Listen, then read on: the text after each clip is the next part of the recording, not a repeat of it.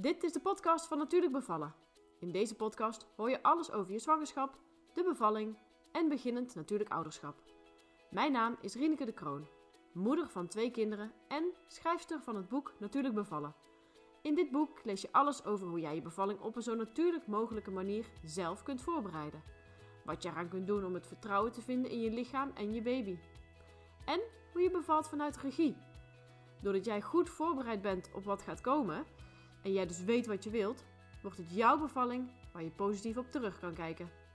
Tijdens deze podcast komen diverse onderwerpen uit mijn boek aan bod. Maar laat ik ook anderen hun mooie en inspirerende bevalervaring vertellen. Wil je na het luisteren van de podcast en het lezen van het boek nog beter voorbereid zijn op je bevalling? Ga dan voor de cursus Natuurlijk Bevallen. Meer informatie over dit alles vind je op mijn website natuurlijkbevallen.nl. Veel luisterplezier!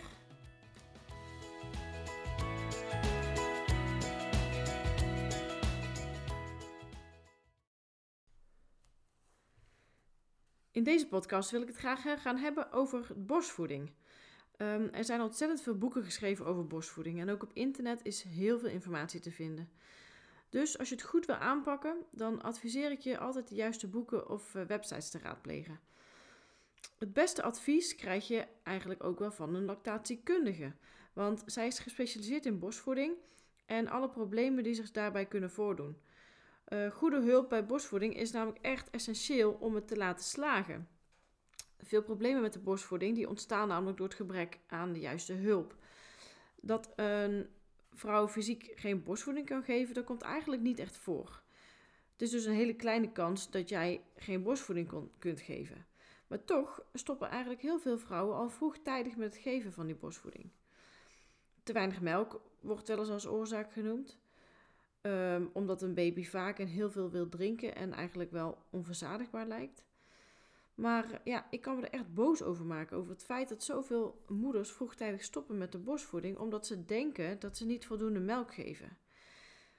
Deze onzekerheid heeft tot gevolg dat um, ze eigenlijk voor de rest van haar leven overtuigd blijft dat zij niet in staat is geweest haar baby in deze basisbehoeften te voorzien. En dat vind ik zo onterecht.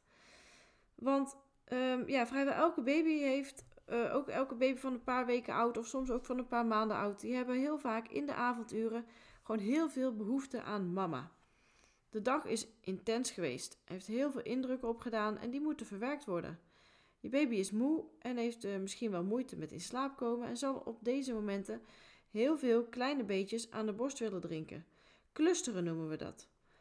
Uh, als je baby dit doet, nou wees gerust, want dat is eigenlijk heel normaal voor een baby. Voor jou als moeder kan het heel vermoeiend zijn, omdat je vaak in de avonduren minder melk aanmaakt, doordat je zelf ook moe bent. En het kan je onzeker maken. Um, misschien denk je wel dat je te weinig uh, melk hebt, uh, maar dat is niet zo. Um, want je kunt je baby eigenlijk gewoon, eigenlijk kan iedereen uh, zijn, haar baby bedoel ik, gewoon voeden. Um, elke moeder heeft ook wel eens dagen dat de productie van de melk minder is. En wat je dan eigenlijk het beste kunt doen, is je baby gewoon heel vaak aanleggen. Dit zorgt voor een hogere stimulans en daardoor zal ook de productie van je melk weer toenemen. Um, iets anders om de melkproductie te stimuleren, dat kun je doen door heel vaak te kolven, bijvoorbeeld na iedere voeding. Um, zelf heb ik ervaren dat de melk na één of twee dagen altijd vanzelf wel weer toenam. Uh, net hebben we het gehad over het clusteren. Maar je baby kan ook regeldagen hebben. En tijdens deze dagen worden vraag en aanbod eigenlijk opnieuw op elkaar afgestemd. Je baby vraagt heel veel melk. Um, en uh, uh, ja, als hij dan bijvoorbeeld kort heeft geslapen, dan geeft hij alweer signalen van honger. En vaak heeft dat te maken met een groeispurt die eraan zit te komen en heeft hij dus juist een grotere behoefte aan melk. Dus doordat je baby vaker om een voeding vraagt, krijgt jouw borst een signaal om meer melk aan te gaan maken. Dat is ook weer een heel normaal verschijnsel. Maar ja, het kan je dus wel onzeker maken, maar daardoor worden dus vraag en aanbod op elkaar afgestemd. Um, ja, als je, om welke reden dan ook hoor, maar als je eenmaal start op, um, met het geven van kunstvoeding als bijvoeding, dan heeft het wel echt direct consequenties op de aanmaak van de moedermelk.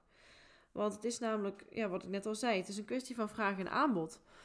Um, wordt er kunstvoeding bijgegeven, dan wordt de vraag naar jouw borstvoeding minder en zal dus ook de productie afnemen. Je baby hoeft minder moeite te doen met de melk uit de fles te krijgen en zal een gouden voorkeur geven aan de fles. Bovendien is kunstvoeding vaak op basis van koemelk uh, en dat is voor de baby nou eenmaal moeilijker te verteren, want koemelk is gemaakt voor kalfjes. En daardoor lijkt een baby die kunstvoeding krijgt eerder verzadigd en tevreden. Op zich is dat natuurlijk mooi. Maar is dat wat je wil? Dat is natuurlijk de vraag die je zelf moet beantwoorden. Veel vrouwen ervaren tijdens de borstvoedingsperiode uh, echt wel diverse problemen. En die kunnen heel veel verschillende oorzaken hebben. Um, een probleem wat, uh, of een oorzaak, bijvoorbeeld, uh, wat regelmatig voorkomt, is het verkeerd aanhappen van de, van de baby. Um, een goede lactatiekundige die kan jou daarbij adviseren en die kan je op weg helpen, zodat jij en je baby natuurlijk lekker lang kunnen genieten van deze mooie momenten. Ik ben absoluut voorstander van borstvoeding. En soms zou ik er best wel een beetje stelliger in willen zijn. Maar uh, dat ligt ook wel gevoeliger. Want in Nederland is het uh, zo algemeen geaccepteerd dat wij onze kinderen vanaf ongeveer drie maanden kunstvoeding gaan geven. Um, ik vind het best wel lastig om daar zeg maar, in het openbaar mijn mening over te geven. Ga altijd bij jezelf na of jouw keuze gebaseerd is op je eigen gevoel of op de reactie van anderen. En het is altijd jouw keuze en het is altijd goed. Dat wil ik wel eventjes voorop stellen. Maar de rest wat ik nu ook ga vertellen, dat is echt hoe ik erover denk. En ik wil graag de voordelen van borstvoeding vertellen, maar maak uiteindelijk een keuze die goed voelt voor jou. In Nederland geven we ongeveer gemiddeld zes maanden uh, borstvoeding. Dat is best wel laag vergeleken met andere landen, want wereldwijd ligt het gemiddelde eigenlijk veel hoger. De Wereldgezondheidsorganisatie, de WHO, die, die uh, raadt aan om kinderen zes maanden exclusief borstvoeding te geven. Dat betekent dus na zes maanden beginnen met enige vorm van bijvoeding.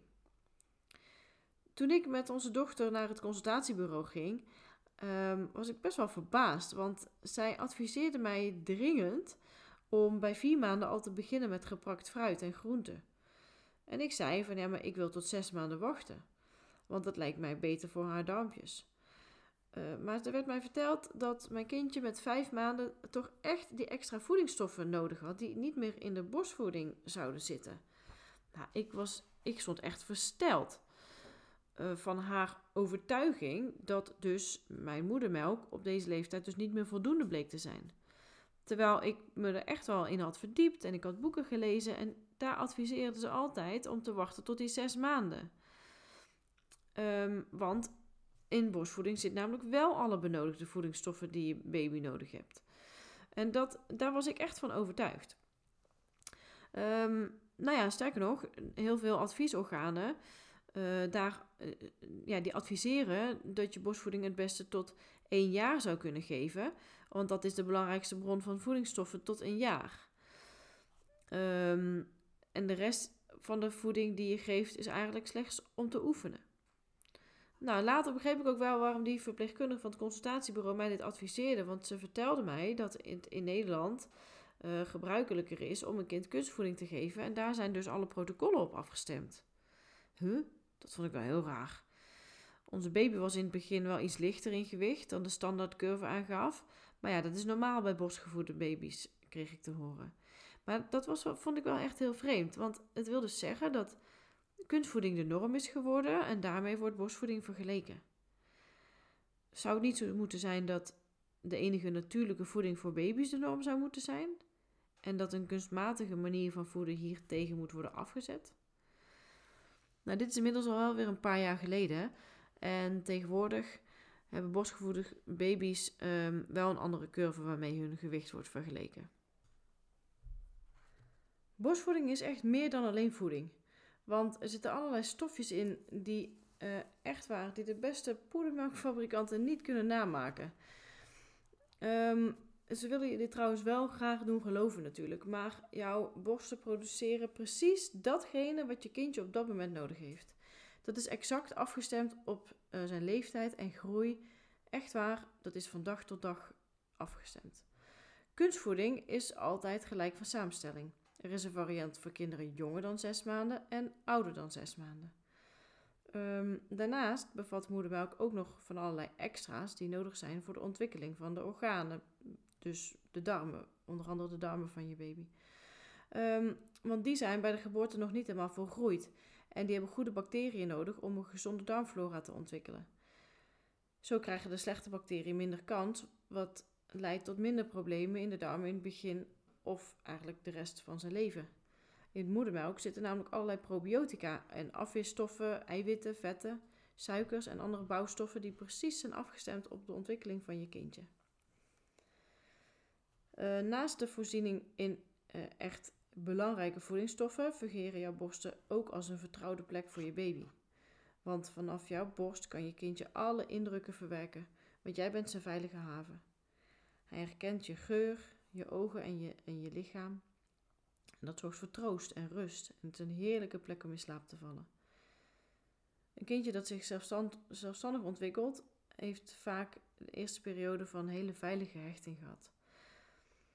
Um, ja, het, is een sterk, het wordt een sterk kind. Want die heeft in de eerste jaren kunnen vertrouwen op de, dat, dat zijn moeder dichtbij is. En dat komt door de fysieke en de emotionele uh, binding tussen moeder en kind.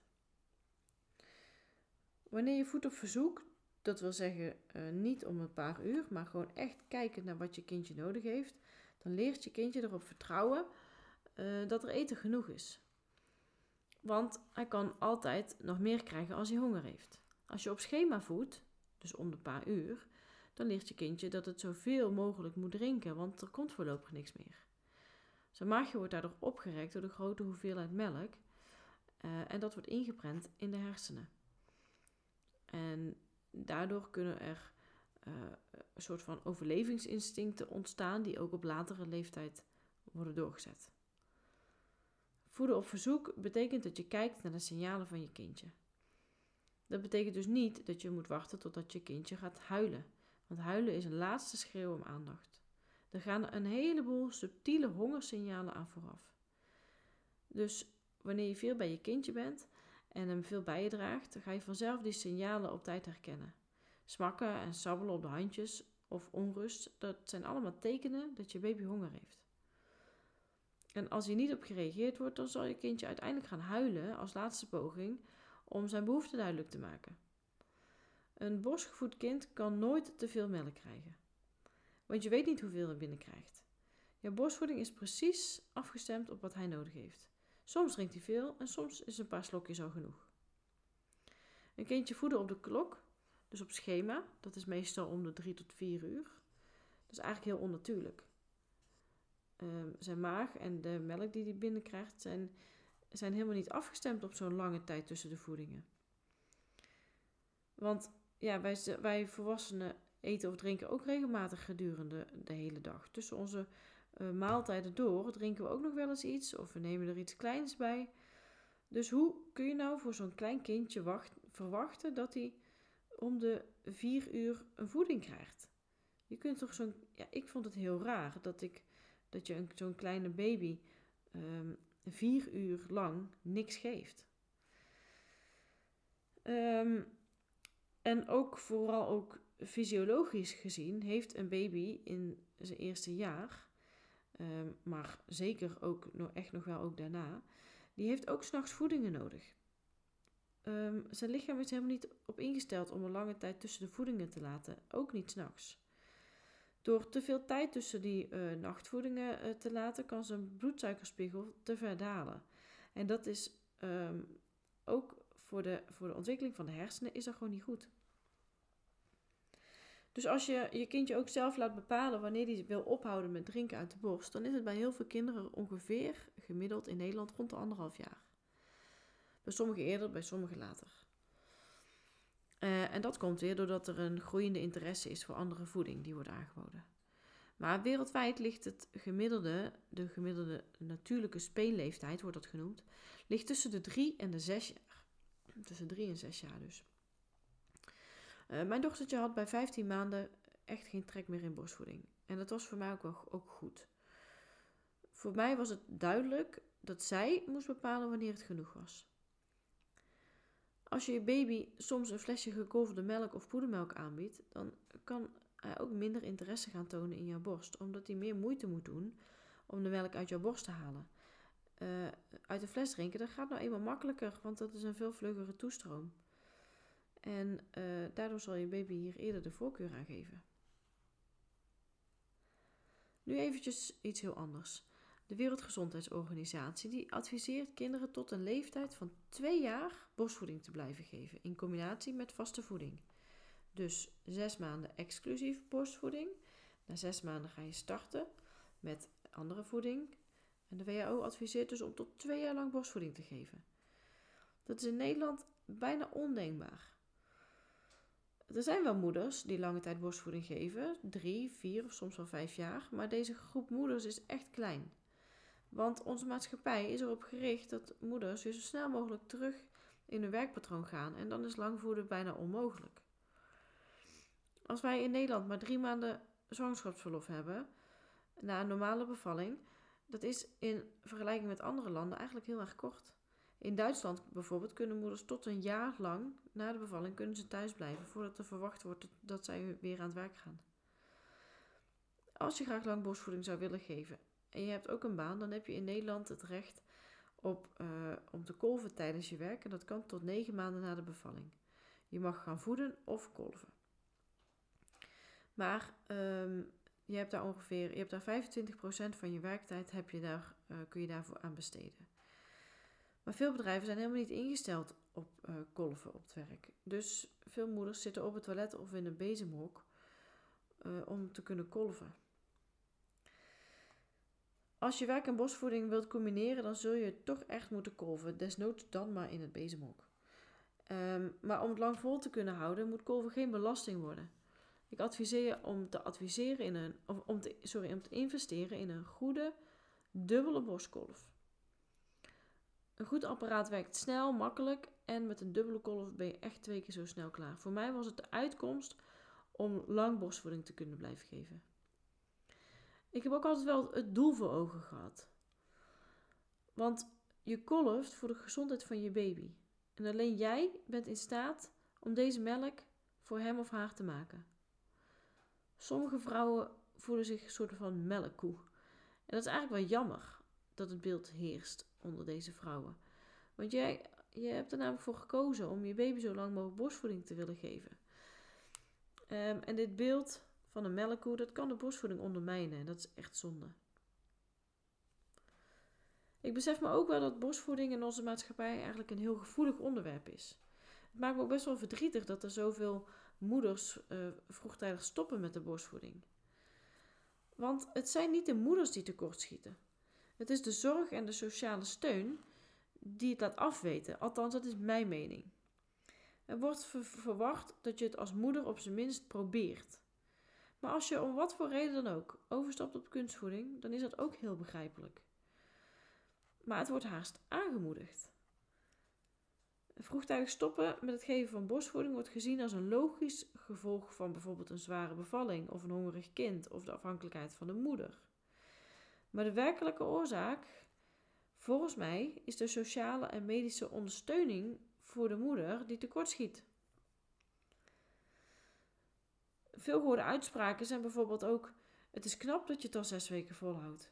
Of met flesvoeding worden kinderen ook wel groot. Maar deze uitspraken zijn niet bevorderend voor de borstvoeding. Het zorgt ervoor dat de borstvoeding wordt gezien als iets wat beter is dan kunstvoeding. Maar het is niet beter dan kunstvoeding. Het staat niet boven kunstvoeding. Um, je kunt het namelijk niet vergelijken met kunstvoeding. Dat wil ik benadrukken. Borstvoeding is de biologische norm en kunstvoeding kan daar nooit aan voldoen. Dus je kunt geen vergelijking trekken. Kunstvoeding is echt iets anders. Um, er worden vaak allerlei voordelen genoemd van borstvoeding, alsof je dus als moeder een keuze moet maken. Alsof borstvoeding zich zou moeten verdedigen tegen de kunstvoedingsmarketing. Maar valt er iets te kiezen dan? Waarom is de hele zorg rondom de moeder erop gericht dat kinderen kunstvoeding krijgen. Waarom is ons zorgstelsel er niet op gericht om zo lang mogelijk borstvoeding te geven? Vaak wordt in het begin wel uh, ervan uitgegaan dat je borstvoeding geeft. En in het begin, net na de bevalling, is wel alle zorg gericht op die borstvoeding. Alleen het langer volhouden, daar schiet naar mijn idee alle zorg tekort. Niet alleen de zorg trouwens, ook de maatschappelijke druk is daarin hoog. En eigenlijk zou je het zo moeten zien. Als uh, live borstvoeding geven niet lukt, dan is gekolfde melk van de moeder het beste alternatief. Als dat ook niet lukt, dan gaat de voorkeur uit naar donormelk van een andere moeder. En als dat ook niet lukt, dan is kunstvoeding de enige overgebleven optie. En ook dat is het advies van UNICEF en de Wereldgezondheidsorganisatie. Um, regelmatig heeft het besluit van vroegtijdig stoppen met de borstvoeding ook gevolgen voor volgende kinderen. Um, want er wordt om deze reden vaak direct al gekozen voor de kunstvoeding. Even terug naar, die kraamtijd. Als een kraamverzorgende in de eerste dagen na de geboorte um, jou als moeder adviseert om een flesje kunstvoeding bij te geven, om wat voor reden dan ook. Het kan bijvoorbeeld om je kindje zijn dat, dat, dat hij honger heeft of dat de aanmaak nog niet goed op gang komt. Besef je dat dat ene flesje kunstvoeding direct grote gevolgen heeft voor de hele borstvoeding. Je moet eigenlijk als kerstverse moeder echt wel sterk in je schoenen staan om een professional ervan te overtuigen dat je baby genoeg binnenkrijgt. Maar je moet vooral, je mag vooral overtuigd zijn van jouw kwaliteiten als moeder. Want in de eerste weken moet de vraag en aanbod nog op elkaar afgestemd worden. En dat ene flesje kunstvoeding kan het hele proces van aanmaak van moedermelk in een korte tijd in de war brengen of zelfs om zeep helpen. Ook heeft het ene flesje kunstvoeding meteen gevolgen voor de rijping van de darmen en het bijbehorende immuunsysteem. Jouw kraamverzorgende is degene die jou gaat helpen bij die borstvoeding. Maar als je met je kraamverzorgende niet aan uitkomt, als het niet lukt, um, dan heb je een hele goede kraamverzorgende als zij jou adviseert om een lactatiekundige in te schakelen. lactatiekundige is een specialist op het gebied van moedermelk en borstvoeding. Um, zij kan samen met jou op zoek naar de achterliggende oorzaak om te kijken waar het niet goed loopt. En ze, kun je, ze kan je helpen om de borstvoeding goed op te starten. Ik ben echt van overtuigd dat um, de, de, de zorg van een lactatiekundige heel veel problemen met de borstvoeding kan voorkomen. En dat heel veel van onze baby's op deze manier veel meer en langer uh, van de voordelen van de borstvoeding kunnen profiteren. Uiteindelijk zal dit leiden tot meer gezonde baby's met een sterker immuunsysteem en daardoor ook, meer, ook minder uh, ziektegevallen. En dus lagere ziektekosten tot gevolg. Daarom ben ik er ook van overtuigd dat een lactatiekundige vergoed zou moeten worden vanuit het basispakket van de zorgverzekering. Als een baby in het ziekenhuis een flesje kunstvoeding krijgt, omdat het de eerste dagen na de geboorte um, te veel gewicht verliest, dan vraag ik me altijd meteen af: is er dan wel ondersteuning geweest vanuit de lactatiekundige? Um, de opmerking van bijvoorbeeld de kinderarts dat de baby afvalt, heeft heel veel ingrijpende gevolgen voor het vertrouwen van de moeder in zichzelf en in haar vermogen om haar eigen kind te kunnen voeden. En ik besef me echt wel dat borstvoeding een heel gevoelig onderwerp is en dat het soms ook heel beladen is. En er zijn ook heel veel vrouwen die zijn ervan overtuigd, um, die zeggen van leg het niet zo zwaar, leg de druk niet zo zwaar bij die moeder. Dat kan en dat mag ook, dat is ook prima. Iedere moeder die doet het beste voor haar baby en voor haarzelf.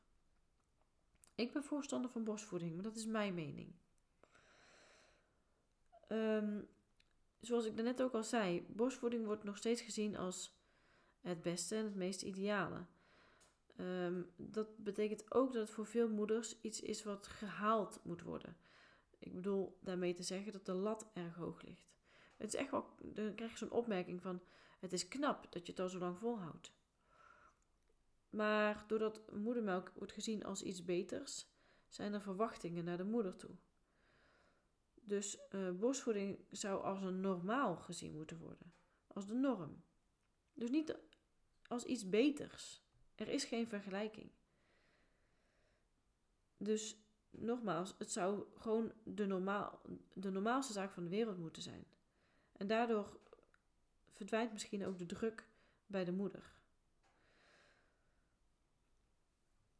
Als de borstvoeding in het begin niet helemaal de gewenste uitwerking heeft, dan maakt dat de moeder ook verdrietig om te moeten kiezen voor kunstvoeding. Uh, het kan een gevoel van falen geven voor de moeder.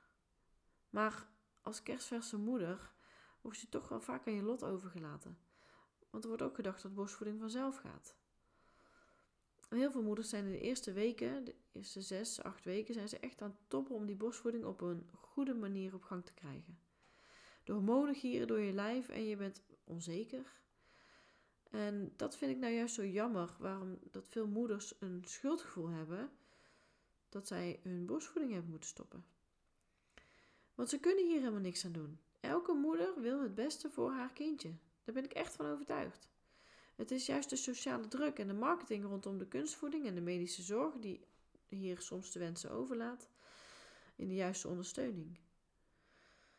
Um, we zouden er met z'n allen hard aan moeten werken dat borstvoeding bij veel vrouwen wel slaagt. Vanuit de hele maatschappij, vanuit de werkgever, vanuit de zorg, vanuit de verzekering. Starten met borstvoeding is een vereiste, maar het volhouden kan alleen als je niet te veel moeite voor moet doen en er zelf geen last van hebt.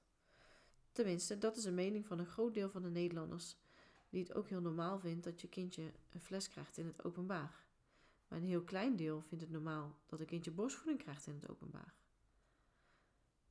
En dat aandeel wordt alleen maar eh, kleiner naarmate de kind, het kind ouder wordt. Dat is toch eigenlijk raar? We vinden het dus normaal dat een kind een fles krijgt. We vinden het niet normaal dat een kind de borst krijgt. Gelukkig zijn er steeds meer moeders die wel in het openbaar durven voeden. En zo hoort het ook te zijn. Um, ja, een oorzaak van die sociale invloed op de duur van de borstvoedingsperiode, uh, dat is dat men in Nederland de autonomie van de moeder hoog in het vaandel heeft staan. Het is eigenlijk bijna belangrijker dan de gezondheid van je baby. Het continu beschikbaar zijn voor de behoeften van je kindje wordt gezien als iets belastends. En het geeft een gebrek aan vrije tijd en nachtrust. De vrouwenemancipatie in de jaren 20 van de vorige eeuw is van grote invloed geweest op de algemene gedachte van borstvoeding. Het maakte de moeder afhankelijk, maar er werd haast vergeten dat de baby ook afhankelijk is van de melk van de moeder. Even iets anders. In het uh, gerenommeerde medisch tijdschrift The Lancet, die hebben in 2016 een uh, heel groot onderzoek gepubliceerd over de effecten van borstvoeding wereldwijd. Hun conclusie is: als 95% van alle kinderen ter wereld borstvoeding zou krijgen, dan zouden er jaarlijks ruim 820.000 baby's in leven kunnen blijven. En het zou levens kunnen redden van 20.000 moeders. Want borstvoeding heeft namelijk niet alleen voordelen voor de baby's, maar ook voor de gezondheid van de moeder, omdat het de kans op borstkanker vermindert.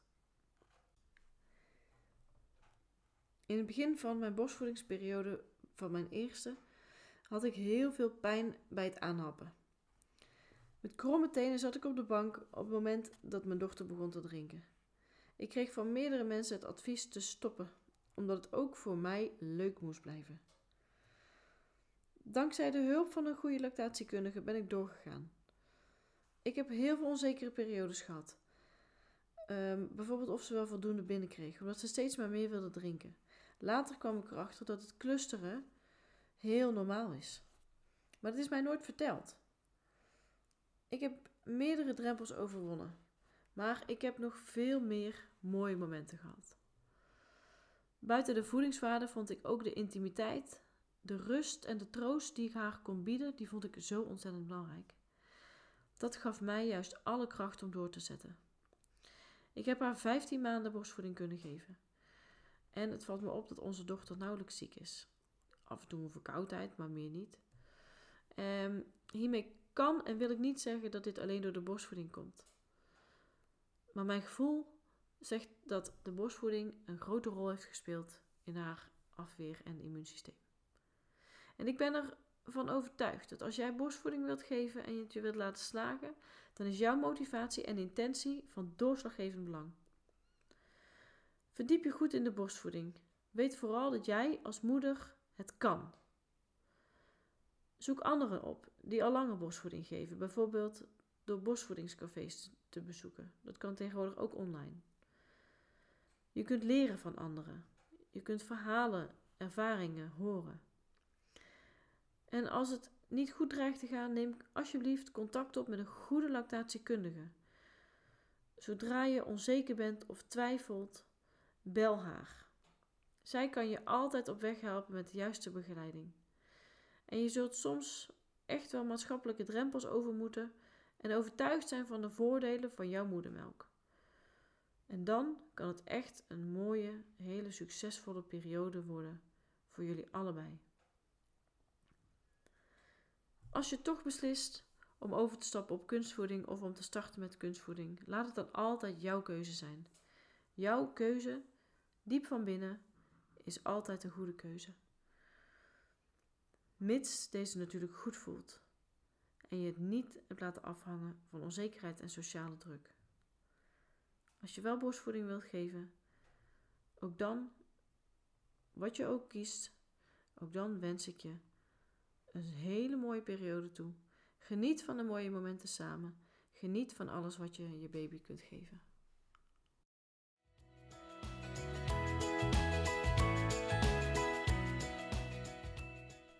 Dit was de podcast voor deze keer. Wil je meer weten over natuurlijk bevallen? Je kunt me volgen op Instagram, Facebook of de website natuurlijkbevallen.nl, waar je ook heel eenvoudig het boek kan bestellen. Ik zou het leuk vinden als je je abonneert op mijn podcast en een review wilt achterlaten. Dat helpt om beter vindbaar te zijn, zodat nog meer vrouwen zich kunnen laten inspireren voor hun bevalling. Tot de volgende keer!